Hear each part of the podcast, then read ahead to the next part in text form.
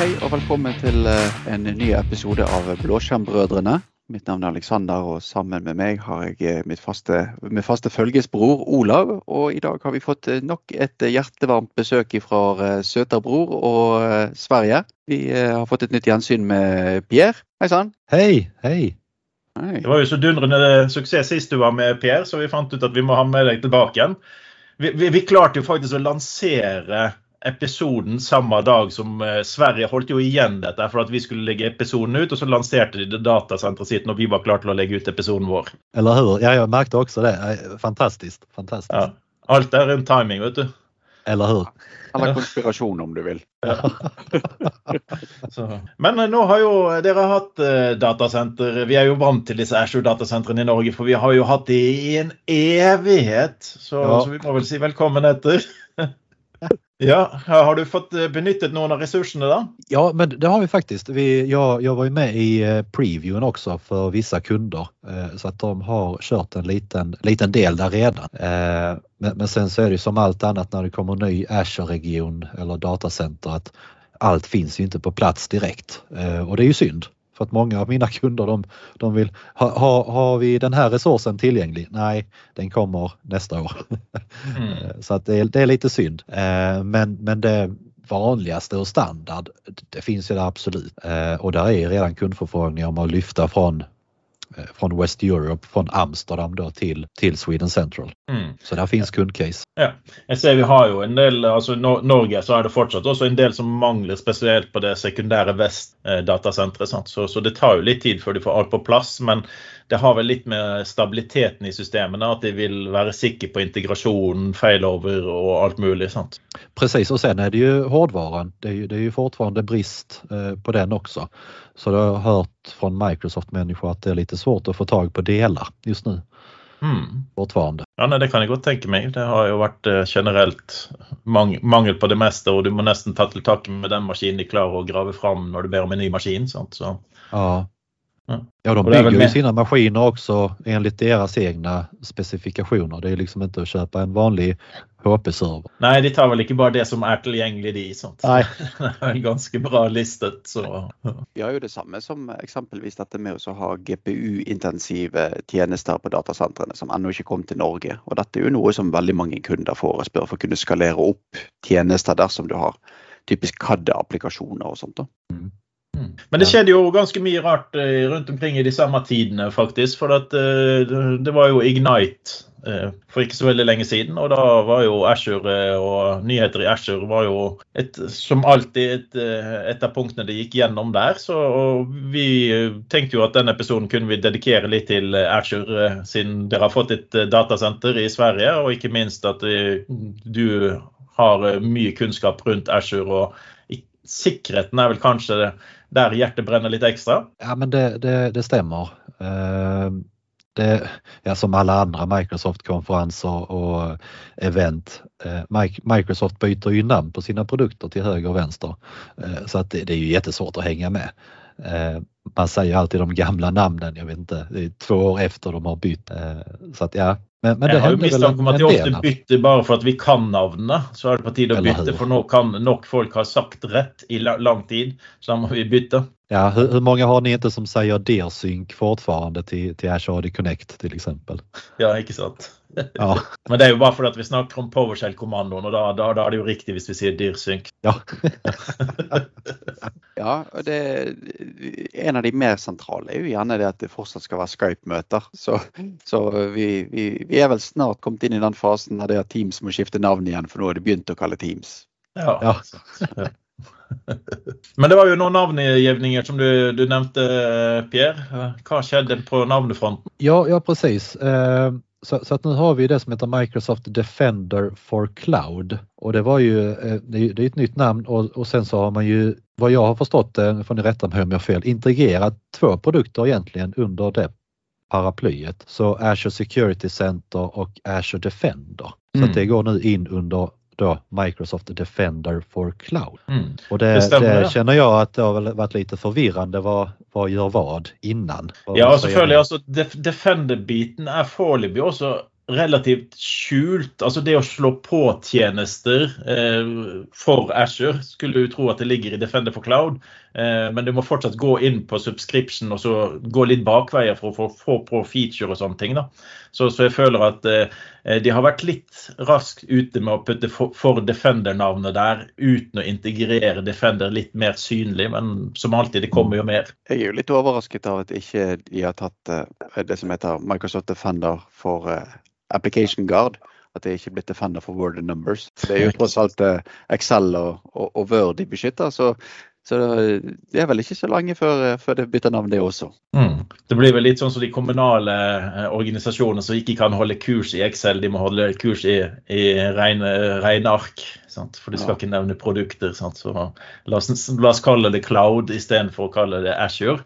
Men, men, realiteten er vel faktisk i denne sammenhengen så er det vel egentlig det at eh, en god del av disse sikkerhetsmekanismene har jo for lengst gått ut av Azure og over på multicloud. Precis, så att nu kan vi ju, jag tror Microsoft kom med nyheten också att nu har vi 150 nya rekommendationer för AVS också så att vi liksom kan dra in all AVS om vi nu använder multicloud scenarion in i eh, Defender for Cloud. Mm. Ja, og multiplattform. Sant? Man har jo da fått ja. integrert for Android og iOS. Så, så, du skal ikke bare ta multidevice og multiplattform, du skal også ta multicloud. Ja. Mm. Eh, jeg kan jo si min, En av mine favorittfunksjoner som nå blir utvidet, da, det er jo secure-scoren. For i secure-scoren, altså Mange kjenner til secure-score med tanke på, på endpoint eh, og sluttbrukerhåndtering og device-håndtering.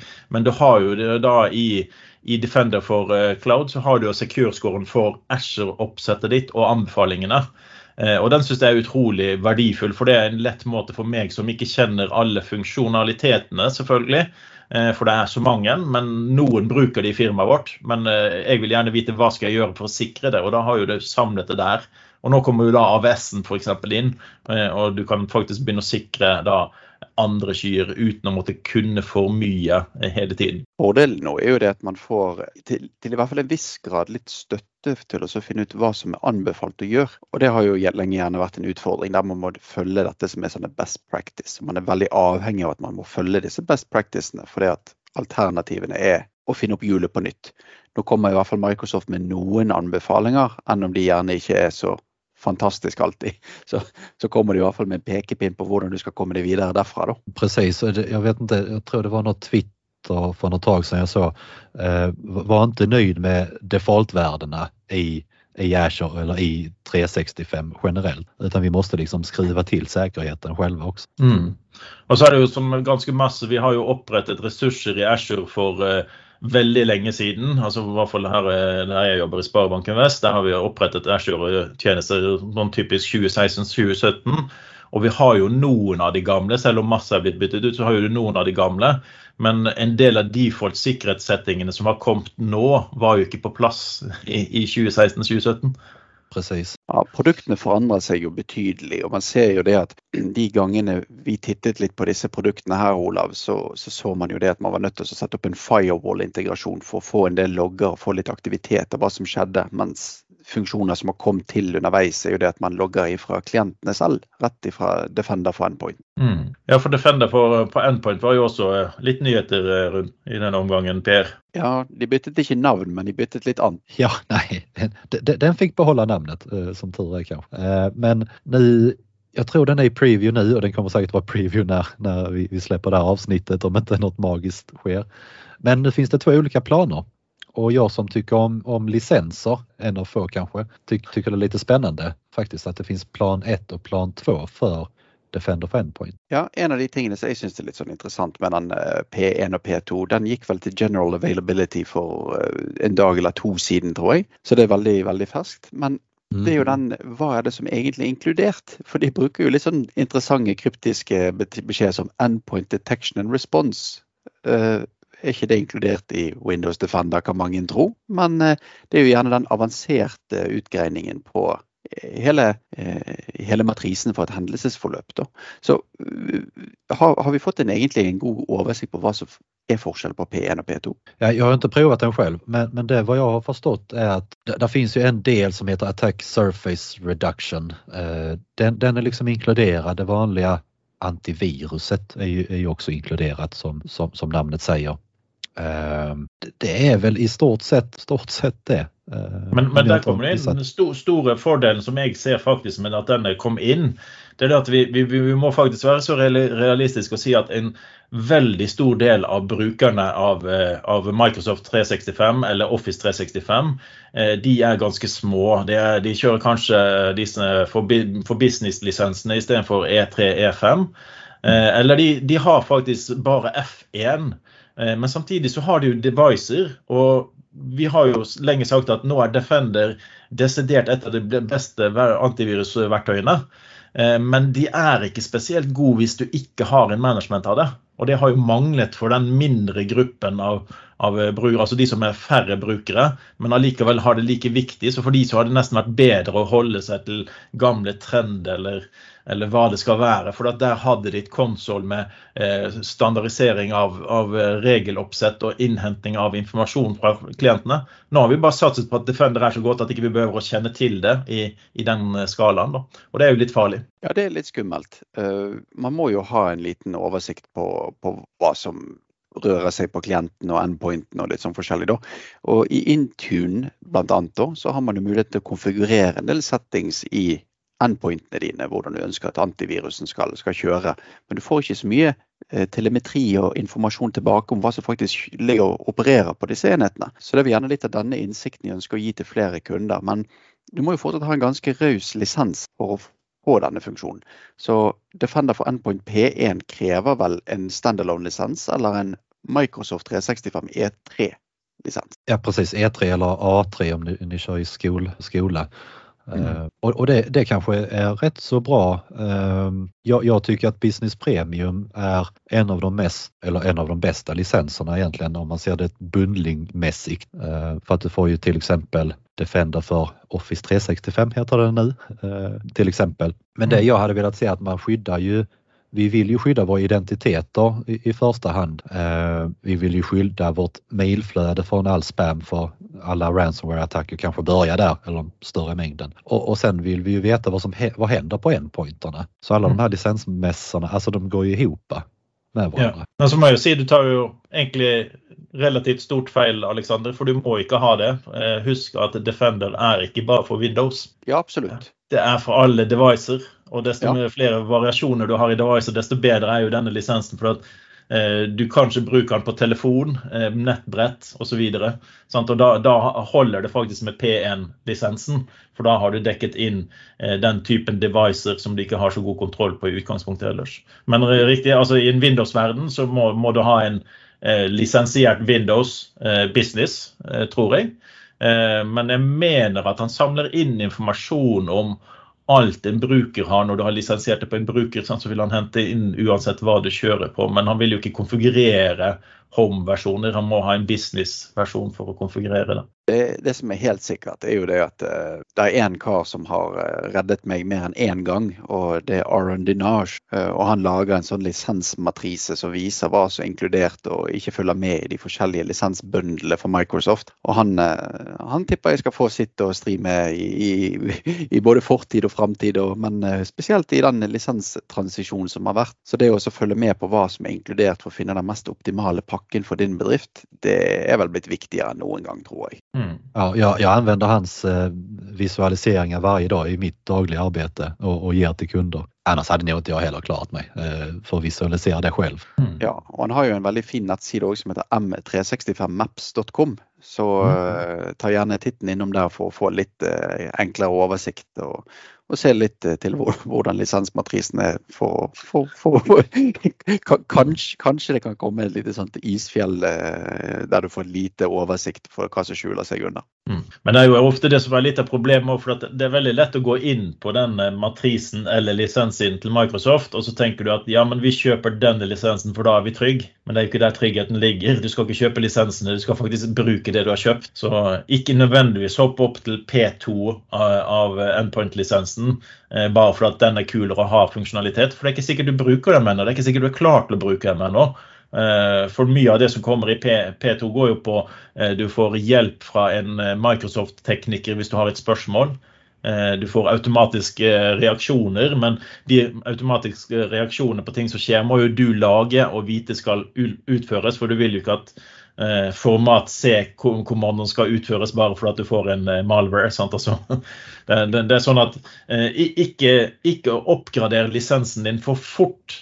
Ta det gradvis når du ser hva du faktisk trenger. Og da trenger du denne M365 Maps. Eh, typen tjenester som kan hjelpe deg å se hva kan vi gjøre nå. Nå har vi kommet opp på dette nivået, hvordan skal vi effektivisere dette? Ja, ja men bör, börja lågt som, som i Azure kanske också. Börja lågt och sen öka allt eftersom eftersom vi kan ju byta. Det kommer ju nya newcomers lisensene också men, men det går ju fortfarande att byta, byta licenspaket. Så er det jo. Mm. Det, jeg syns du beskriver det veldig pent, Olav. Og for de som, eh, for de som egentlig ikke helt skjønner det, men essensen er jo det at nordmenn er jo kjempeflinke, og svenskeierne også, er kjempeflinke til å tale både spansk og fransk og italiensk. For vi har jo så mange spanskbøker og franskbøker i hyllene våre hjemme. For det kan jo være vi skal på en tur. Så bare det å ha ordboken liggende betyr jo ikke at du er flink, eller at du benytter det. Så man må jo ikke bare kjøpe de tingene som gjør deg i stand til å ta det i bruk. Du må jo faktisk bruke det. Mm. Ja, jeg så jo det når vi, når vi tok i bruk E5-lisensene våre, så vil jeg jo anslå at det gikk ca. et halvt år før vi tok de, de, funksjonene i bruk som var verdt å kjøpe det for. Eh, og da hadde vi allerede planlagt for det i hvert fall et halvt år før. Eh, så, så vi, vi, bruker ganske lang tid på den å få full effekt. Eh, og full effekt det har vi nok ikke ennå. For det, det, er så mye som ligger inne i E5, eh, spesielt på sikkerhetssiden. Eh, og det, det, er kanskje en del ting der som vi faktisk ikke trenger, for det kan være for tunge til oss til å ta det i bruk, at det blir eh, unødvendig informasjon. Men planleggingen er ganske viktig og, og strukturerende når du tar det i bruk. Ja, det Samtidig så er jo det sånn, hvis man sammenligner den eh, lisensmatrisen og veiledende priser fra, fra Microsoft Hvis du har en EMS E3 men du trenger én funksjon fra Asher Active Directory P2, så kan det fort være lønnsomt å kjøpe EMS E5 istedenfor en E3 med en P2 add-on. Så du skal ikke ha mer enn én funksjon før det lønner seg å kjøre en suiteoppgradering likevel. Så det kan være nyttig å igjen navigere seg etter den license mappingen til Nage og finne ut hvilken lisensportefølje du har og hvilke priser du kan få. Mm. Men, men hvilke lisenser kjører ni mest i, i Norge? Har ni noen sifre på det? Tror vi ganske trygt kan si at E3 er den mest brukte. Microsoft ja. uh, 365 E3 er den desidert mest brukte. Uh, men E5 har vokst ganske heftig. Uh, og da er det pga. Av, av Defender-funksjonalitet stort sett som gjør at du går der, og så er det AIP P2. altså det er liksom de to lokkebitene for E5. E da. Hvordan har dere det da, Pierre, i Sverige? Er det jag, skulle vilja säga samma sak. Eh, vissa ligger ju fortfarande kvar på den här gamla Office 365 E3 med EMS. Där vill jag ju få dem att hoppa över till i alla fall Microsoft 360. Men eh, ja, E3 är det absolut. Mm. Det, det som är lite synd da, det er at eh, veldig mange kunne ha nyttet seg av, benyttet seg av det er det F, fortsatt F1-enheter, altså Frontline Workers-lisenser. Eh, eh, men ofte mangler det små ting der. Eh, eller at administrasjonen over å ha forskjellige lisenser koster mer enn det du sparer på å kutte ned på lisensene. For at, eh, ja, Denne gruppen brukere er typisk frontline-arbeidere, men det er ikke så mange av dem.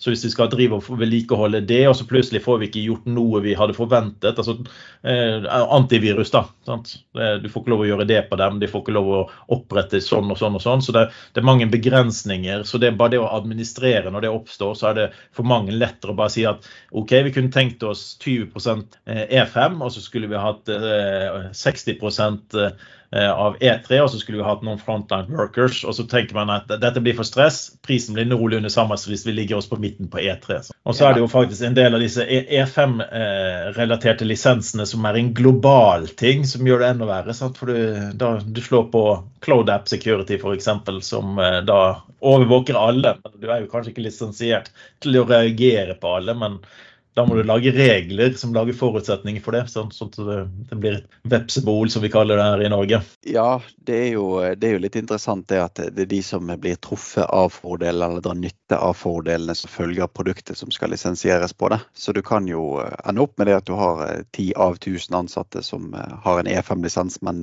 realiteten er at du har satt opp noe som gjør at alle må ha det. Mm. Og skumlest av alle, hvis du, skal, eh, hvis du virkelig har lyst til å hoppe inn i vepsebol, så er jo det information barrier. Den, Mm. den, den kan være en veldig tricky greie for hvem er det du faktisk beskytter, og hvordan. Så det å aktivere information barriers implicit implisitt betyr jo alle. Mm. Hva er information barrier? Information barrier er jo slik at du kan sette opp en, eh, et skille mellom eh, soner og avdelinger i organisasjonen, sånn at ikke du kan oppdage og kontakte andre avdelinger informasjon. En type scenario er jo hvis man har én tenant med multiorganisasjoner. da. Sånn at man ikke ønsker at eh, ett foretak skal kunne hente ut informasjon fra et annet foretak. Eller eh, ta en kommune der man ikke ønsker at ansatte på én skole skal kunne nå elever eller ansatte på en annen skole. Så bare det å ta i bruk og aktivere grunnfunksjonaliteten vil egentlig betinge at svært mange må lisensieres på den, om ikke faktisk absolutt alle i Tennen. Mm. Och Per är glad i licenser, säger han. Sant? Ja, men jag, jag gillar att prata om eh, licenser och, och dess funktion. Mm. Det, det tycker jag om. Han eh, sier jo Eh, vi- 'sure'. Det står jo til og med på mikrofonene, så sier han automatisk 'sure'. Han liker lisensen.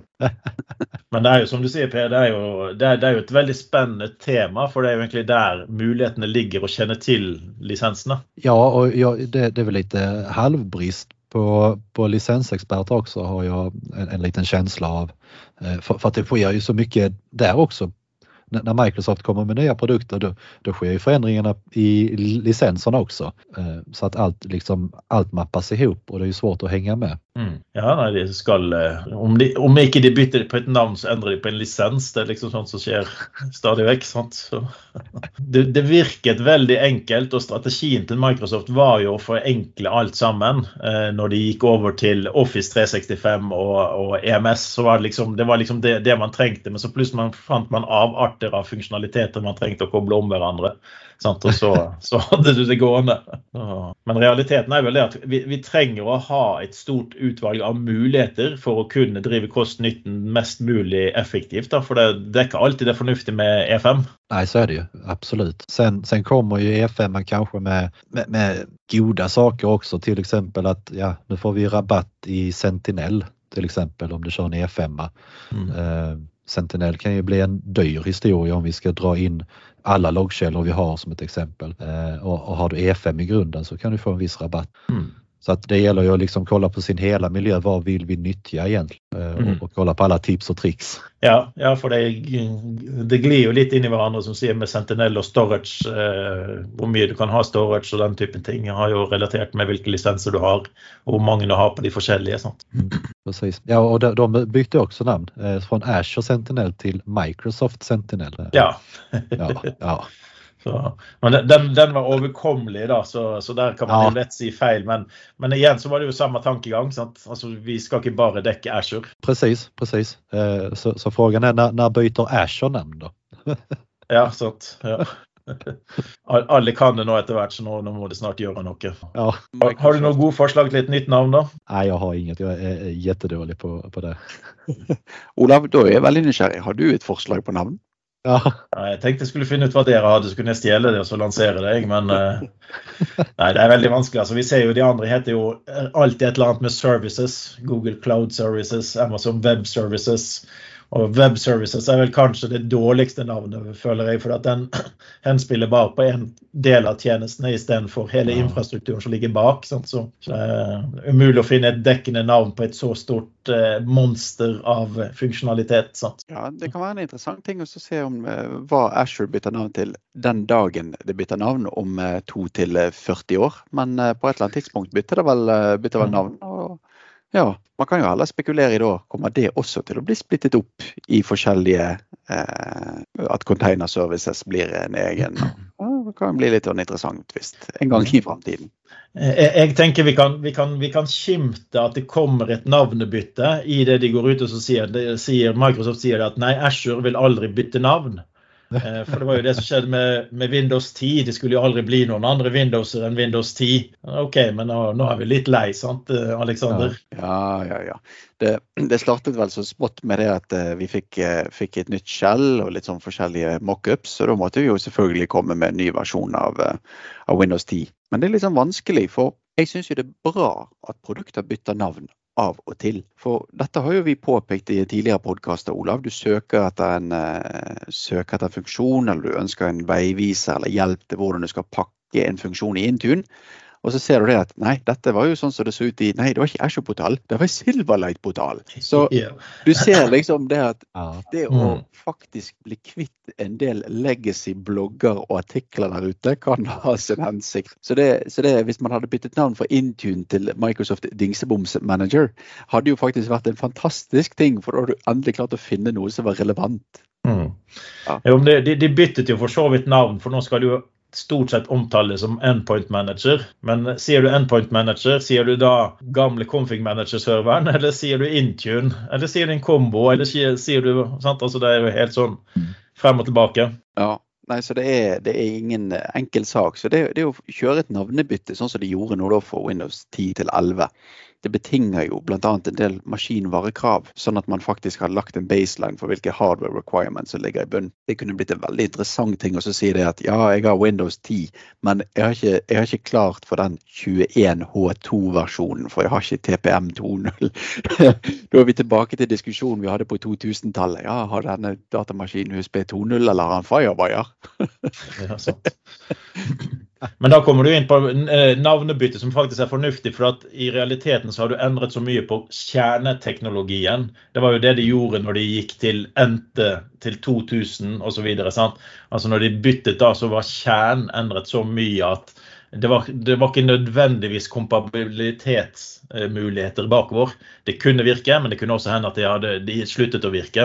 Eh, Og sånn har vi jo for så vidt på Windows 11. Det er ikke så mye som har sluttet å virke, men det er masse hardware som har sluttet å virke. altså Du får ikke installert det pga. at han krever mer. Så Windows 11 er vel primært sett en, en sikkerhetsrelatert eh, oppjustering som skal gjøre at vi får bedre plattform eh, over tid. Ja, det er jo litt, litt dette med Ui, vi? Du har fått en litt annen settingsmeny, du har fått en litt nærmere approach. Men mange av disse så vi på god vei komme i Windows 10. Så veldig mange av de tingene som vi nå tror er Windows 11, er jo egentlig bare en forlengelse av Windows 10. Men de gjorde det faktiske swappet da i forbindelse med dette. Sånn som dette med altså senterplasseringen av startmenyen. Den kan jo du velge å putte til venstre igjen hvis du ønsker. Og med en gang ser den veldig lik ut som Windows 10. Så de har bare gjort noen grep for at det skal se litt mer Windows 11 ut. Men realiteten er det er veldig mange ting der som er Windows 10. Hva kjører du på der, Per? Ja, jeg kjører faktisk på Windows 11 nå. Og jeg, jeg gillar det. Absolutt. Har du turt å si noe annet siden vi stilte spørsmålet på denne måten?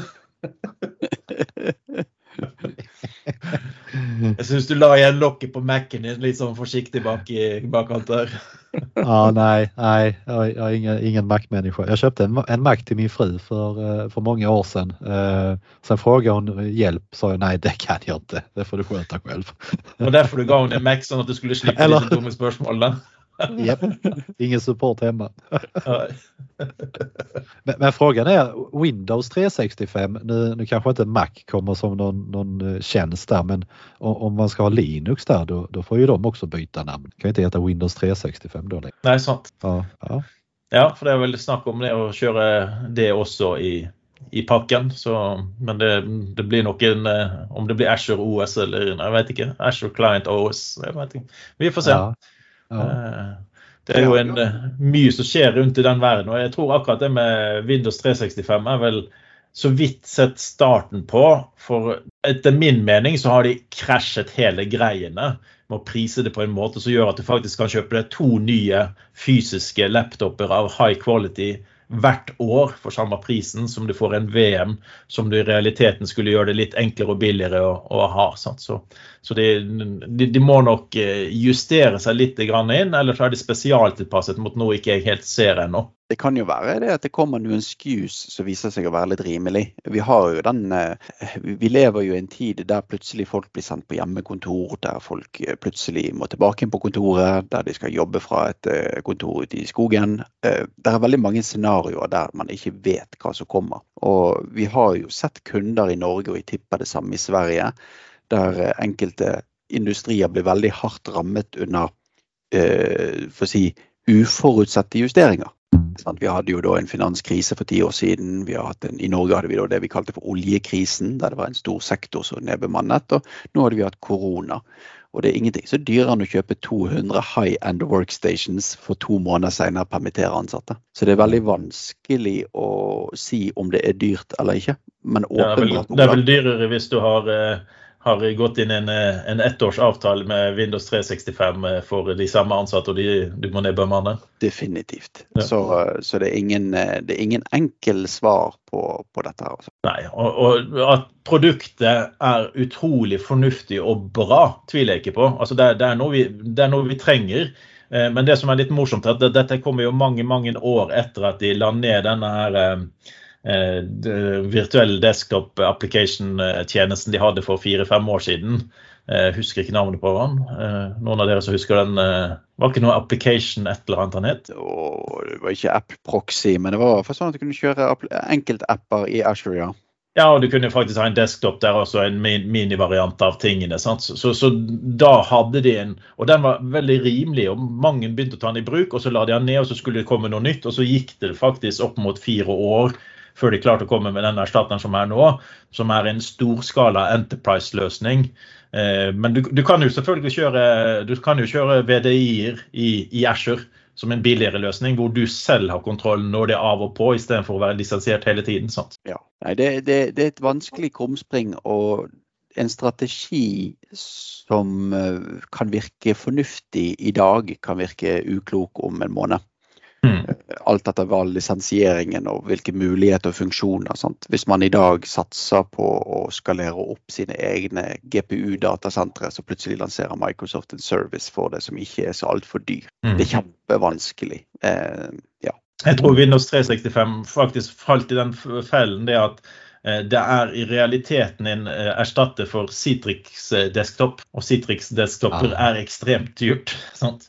Og da kan du prise deg det samme. Altså, så de, de, har sett et marked de jobber mot, istedenfor å tenke over at de kunne ha dekket et enklere marked som kunne vært eh, mer brukere på. Da. Men hvis vi skal ta en sånn liten avrunding, så skulle vi kanskje Er det noe mer vi skulle tatt av Ashore Security og fått med oss før vi, vi gir oss helt der? Nei. Eh liten uppmaning om man inte har det redan. Eh, titta på Sentinel och de eh, källorna som är gratis och tryck in där och börja titta på eh, vad, vad händer i ens miljö. Mm, det är ju, det är ju, det är ju 30, 30 eller 31 dagars gratis också för alla andra loggkällor eller mm. dit och så. Så det, det, är väl mitt tips att göra när man är tillbaka från julhelgerna. Ja, ja.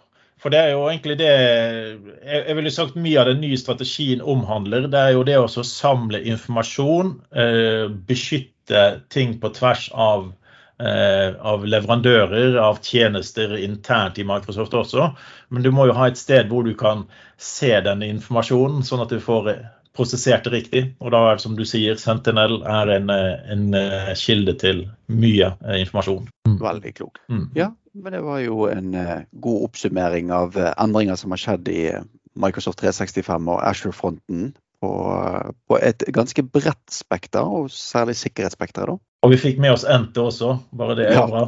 ja, vi klarte å ta NT 4.0. Ja. Ja, ja, jeg nevnte ikke 4-0, men det får være opp til deg. Ja, ja, vi vet hvor du går. Vi vet hvor du går. Nei, men det er som alltid kjekt at du ville ta deg litt tid med oss, Per. Vi får, ja, Får håpe du får en, eh, en, hyggelig jul og tid til å koble litt av fra teknologien. Detsamma till er. Och nej, jag kommer nog inte vila. Jag har många särt att plugga till nu, känner jag. Ja. Ja, ja, da krysser vi fingrene, og så vet vi at uh, du har nok kompetanse til å klare å bestå de der. Det tviler vi ikke på. Ja, vi får se. Jeg hoppas på det. Ja. Takk for nå. Godt killar.